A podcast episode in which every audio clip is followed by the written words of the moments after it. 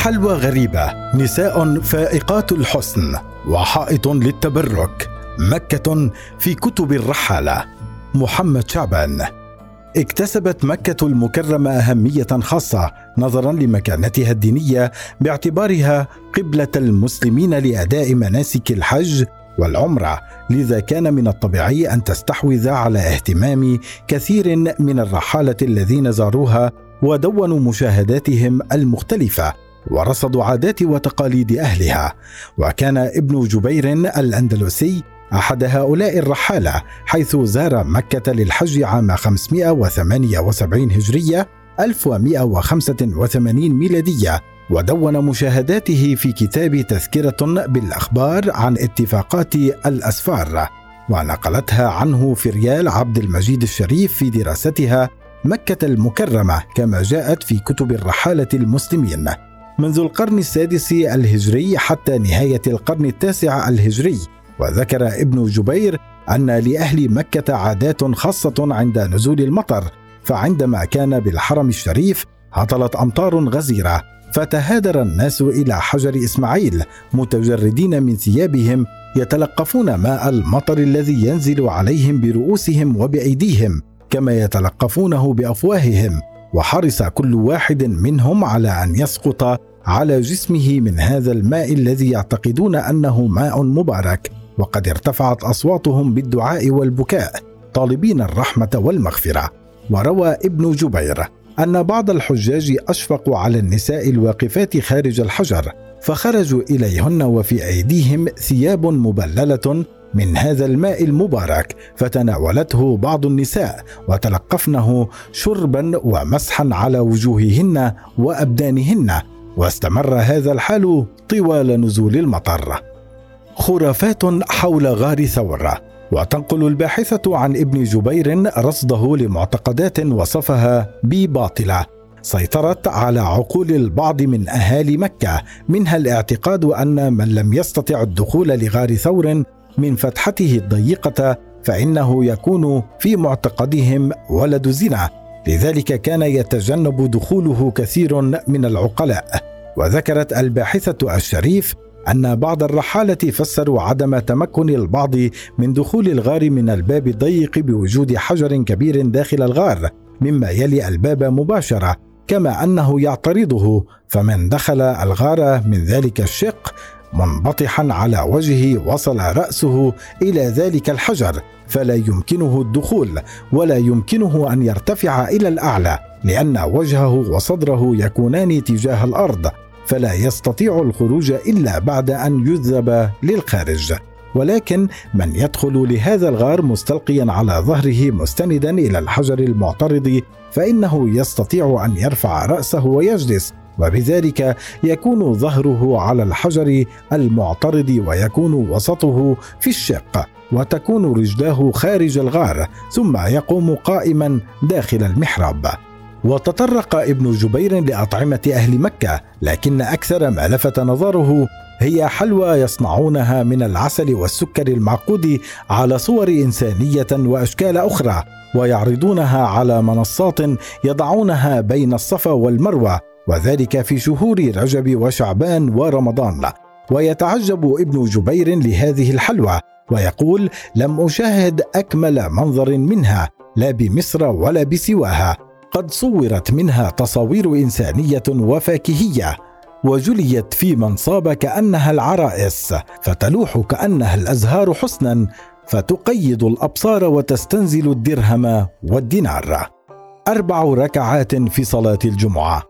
وخلال رحلته إلى مكة لأداء مناسك الحج سنة 696 هجرية 1297 ميلادية رصد الرحالة المغربي التجابي السبيتي مشاهدات دونها في كتابه مستفاد الرحلة والاغتراب وتناولها بالتحليل الدكتور محمد فهمي إمبابي في دراسته البدع في مكة في العصر المملوكي من خلال رحلة التجابي السبيتي وكان من بين هذه المشاهدات ما أسماها السبيتي بالبدع الزيدية والمنسوبة لفرقة تنسب إلى الإمام زين بن علي زين العابدين بن الحسين بن علي بن أبي طالب والذي خرج على الخليفة الأموي هشام بن عبد الملك 105 و125 هجرية 724 743 ميلادية مطالبا بحقه في الخلافة. ونشر دعوته في الكوفة ورغم نجاح الدولة الأموية في القضاء عليه إلا أن مذهبه انتشر في بلاد اليمن ثم بلاد الحجاز. ولاحظ السبيتي اعتياد الزيدية في الحرم الشريف في آذانهم أن يردد مؤذنهم بعد حي على الصلاة وحي على الفلاح أن يقول حي على خير العمل بهدف إظهار مذهبهم وتمييزا لهم عن مذاهب أهل السنة والجماعة. وهذا ما يوجد في آذان الشيعة عامة. ويذكر إمبابي أن السلطان المملوكي محمد بن قلاوون أمر سنة 702 هجرية 1302 ميلادية بمنع هذه الزيادة في الأذان لكنها سرعان ما عادت مرة أخرى. وفي مرحلة لاحقة حول أمير الحج المصري ركن الدين عمر شاه الحاجب سنة 754 هجرية 1353 ميلادية أن يقضي على هذه البدعة فعاقب مؤذن الزيدية بالضرب حتى الموت ليترك مذهبه ويتوقف عن ترديد هذه الصيغة لكن دون جدوى. وروى السبيتي أيضا أن الزيدية في الحرم يصلون صلاة الجمعة أربع ركعات كأنها ظهر وليس ركعتين ورغم تعجب الناس إلا أنهم لم يستطيعوا تغيير ذلك وذلك لمساندة أمير مكة الشريف أبي نبي لهم وإيمانه بصحة مذهبهم. التبرك بجدران دار الرسول ودار أبي بكر. ومما دونه السبيتي في كتابه أيضا زيارة العامة في مكة للدار التي ولد فيها الرسول محمد صلى الله عليه وسلم للتبرك بها والتمسح بجدرانها واعتقادا منهم بالتقرب إلى الله بزيارتها وبحسب امبابي ترجع هذه العادة إلى أيام الفاطميين وسيطرتهم على الحجاز حيث كانوا يحتفلون في الثاني عشر من شهر ربيع الأول بمولد الرسول ويفتحون المواقع المنسوبة إليه ومنها داره في ذلك اليوم.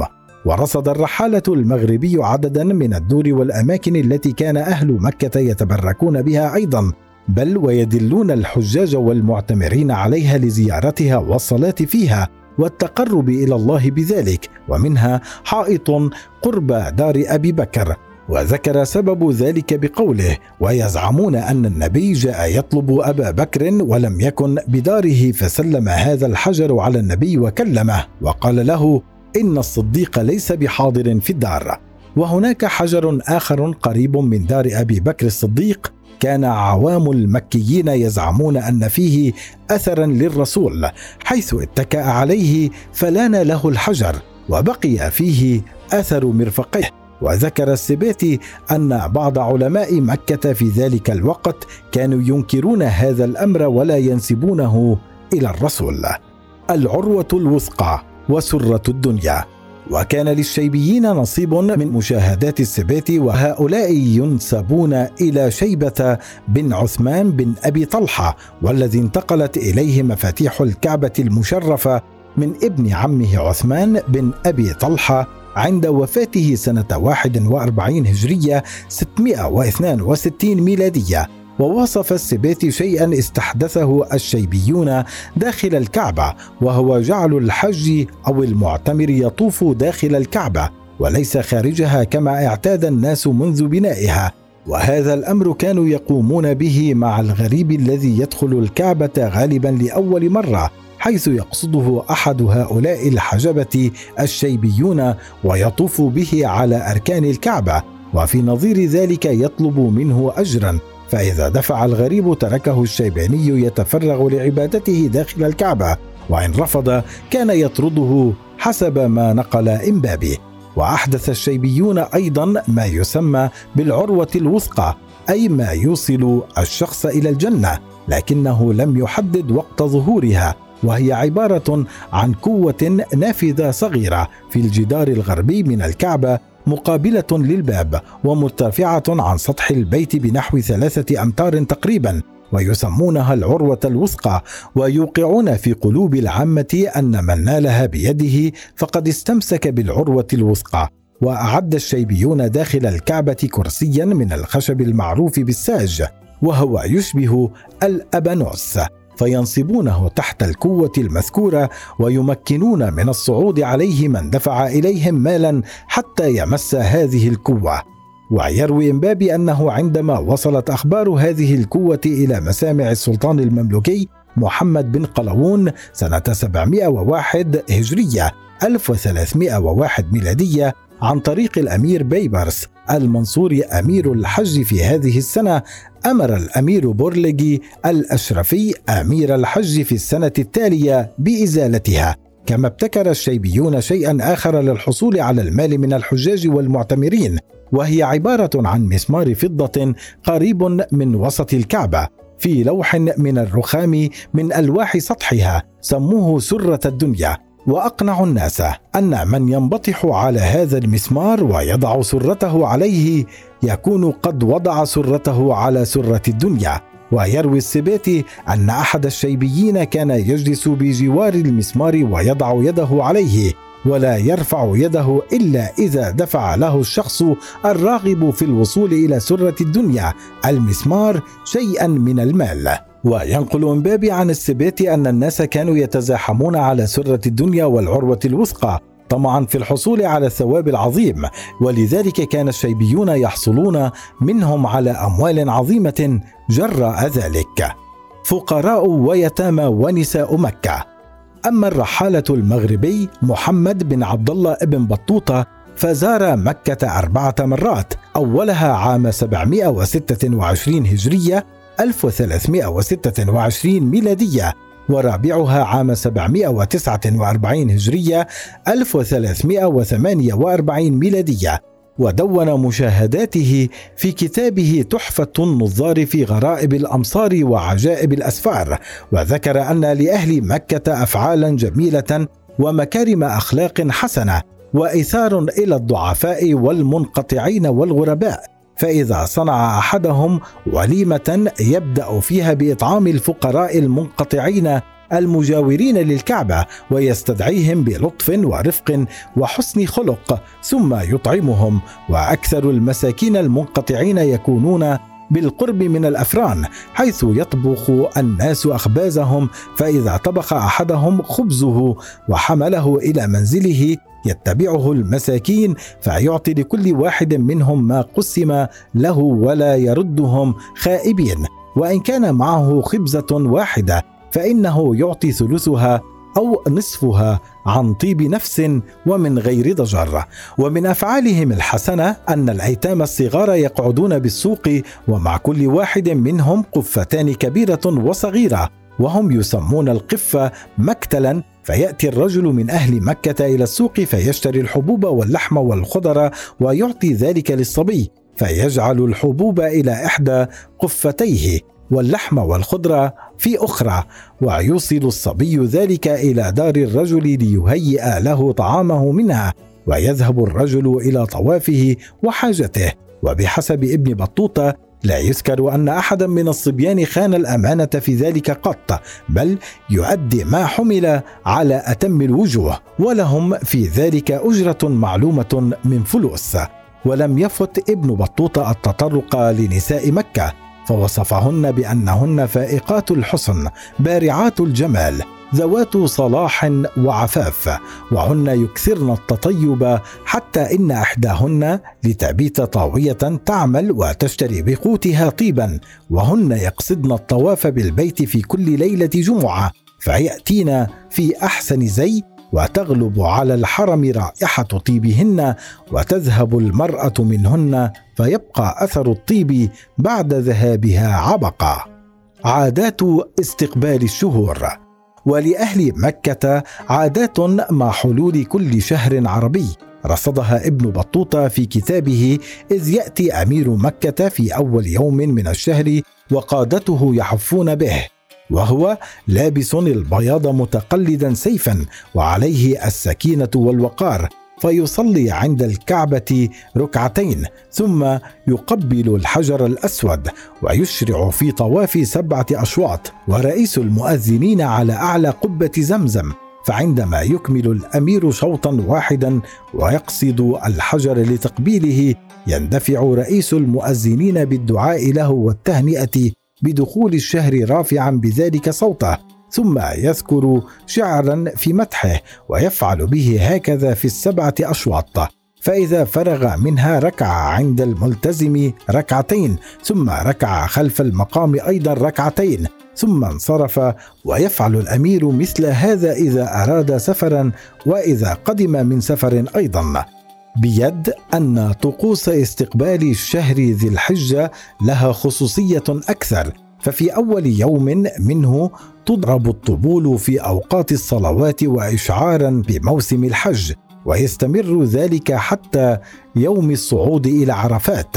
فإذا كان اليوم السابع من الشهر خطب الخطيب إثر صلاة الظهر خطبة بليغة يعلم الناس فيها مناسكهم ويعلمهم بيوم الوقفة. فإذا كان اليوم الثامن بكر الناس بالصعود إلى منى وتقع مباهاة ومفاخرة بين أهل مصر والشام والعراق في إيقاد الشموع. وذكر ابن بطوطة أن أهل مكة لا يأكلون في اليوم إلا مرة واحدة بعد العصر ويقتصرون عليها إلى مثل ذلك الوقت في اليوم التالي ومن أراد الأكل في سائر النهار أكل التمر. ولذلك صحت أبدانهم وقلت فيهم الأمراض والعاهات تمر ولحوم وأطعمة وافدة.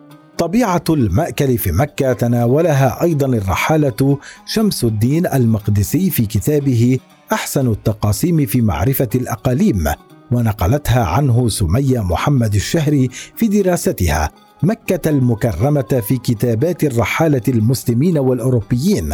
فذكر أن الناس يتقوتون باليسير من الطعام وأن معيشتهم تعتمد بشكل رئيسي على التمر وبين اعتماد أهل مكة على اللحوم المجففة من ذبائح أيام النحر في عيد الأضحى كنوع من الغذاء في فترة زمنية محددة. غير أن ذلك لم يحل دون تنوع المأكل في مكة بعض الشيء نتيجة اختلاط العرب بعناصر مختلفة مثل طعام يسمى أفروشة جلبه الحجاج من مدينة بيار في طبرستان وهو مكون من الدقيق والسمن من مدينة بيار في طبرستان كما تفنن المكيون في أعداد الطعام على الطرق الهندية والشامية والمصرية والتركية. منازل لأهالي خراسان والعراق. أما الرحالة الفارسي ناصر خسرو. فسافر إلى مكة للحج في عام 442 هجرية 1050 ميلادي ودون مشاهداته في كتابه سفر نامه ولفت انتباهه وجود منازل لأهالي كل مدينة في خراسان وما وراء النهر والعراق وغيرها بمكة ولكن أغلبها كان خرابا وقت ذاك. حسب ما ذكر عبد الله بن حمد الحقيل في كتابه رحلات الحج في عيون الرحالة وكتابات الأدباء والمؤرخين. ووصف خسر ماء آبار مكة بالمالح ومر لا يساغ شربه ولكن بها كثير من الأحواض والمصانع الكبيرة.